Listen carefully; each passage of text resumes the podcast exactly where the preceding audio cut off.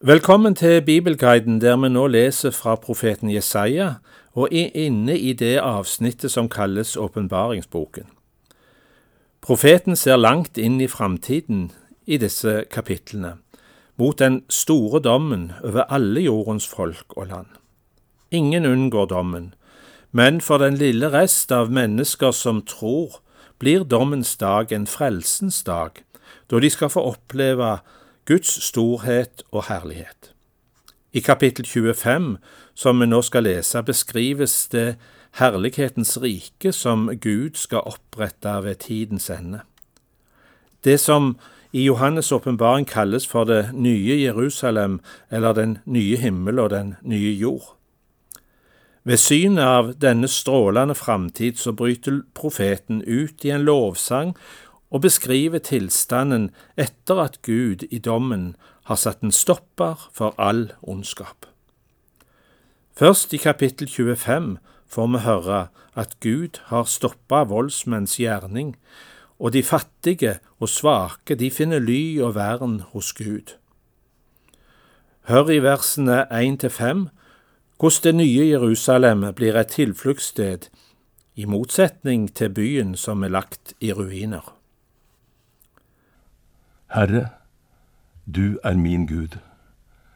Jeg lovsynger deg og priser ditt navn. Du har gjort under slik du planla i gammel tid, i troskap og trofasthet. Byen gjorde du til en steinrøys, festningsbyen til en ruin. De fremmedes borg er ingen by mer. Aldri skal den bygges opp igjen. Derfor skal et mektig folk gi deg ære folkeslag i voldsmenns by skal frykte deg. Du ble et vern for de svake, et vern for de fattige i deres nød, et ly mot styrtregn, en skygge mot heten. For voldsmenns pust er som styrtregn mot muren, som hete i et uttørret land.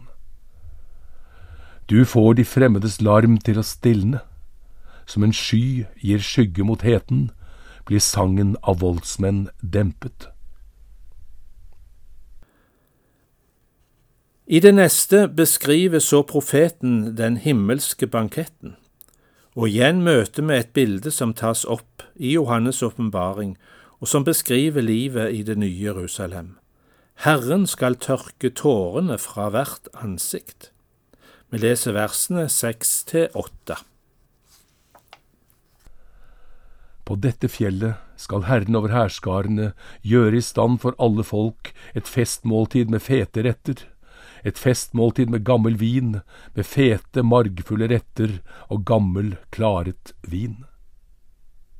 På dette fjellet skal han sluke sløret som tilslører alle folk, dekket som tildekker alle folkeslag. Han skal sluke døden for evig. Herren Gud, skal tørke tårene fra hvert ansikt. Han skal ta bort sitt folks vanære fra hele jorden, for Herren har talt. Den som tror, venter ikke forgjeves. En dag skal Guds folk juble og glede seg over hans frelse.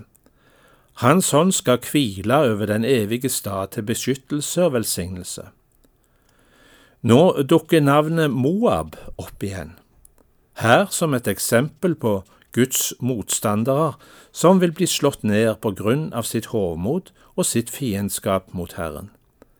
Vi leser de siste versene i kapittel 25. Den dagen skal de si, Se, dette er vår Gud. Vi håpet på ham, og han frelste oss. Dette er Herren, vi håpet på ham, la oss juble og glede oss over hans frelse. For Herrens hånd skal hvile over dette fjellet. Men Moab skal han tråkke ned, slik halm tråkkes ned i gjødselvann. Der strekker han hendene ut lik en svømmer som legger på svøm. Men Gud slår hans hovmod ned, selv om han kaver med hendene. Dine høye festningsmurer bryter han ned, river dem ned til de ligger på jorden i støvet. Beskrivelsen av det kommende herlighetsriket fortsetter i lovsangen som vi nå skal lese i kapittel 26. Profeten har i det foregående vist hvordan verdensrikenes byer skal legges i grus, mens Herrens folk, her nevnt som Judalandet, synger i full forvissning om at Guds rike er uovervinnelig. Det er som en befesta by som åpner sine porter så det rettferdige folket kan dra inn. Herren er ei urokkelig klippe, mens verdensbyen som folkene opphøyer, den rives ned og legges i grus. Vi leser takkesangen i Jesaja kapittel 26, vers 1-6. På den dagen skal denne sangen synges i Judalandet. Byen er vår styrke, til frelse reiser han voller og vern. Lukk portene opp, så det rettferdige folket kan dra inn, de som holder fast ved sin troskap.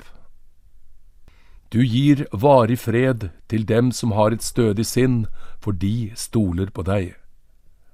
Stol på Herren til alle tider, for Han, Herren, er en evig klippe. Han har bøyd dem som bor i det høye. Den opphøyde byen river han ned, river ned til grunn og legger den i støvet. Fattiges føtter og svakes fottrinn skal tråkke den under fot. I neste utgave av Bibelguiden skal vi lese mer om de rettferdiges lovsang. Velkommen tilbake.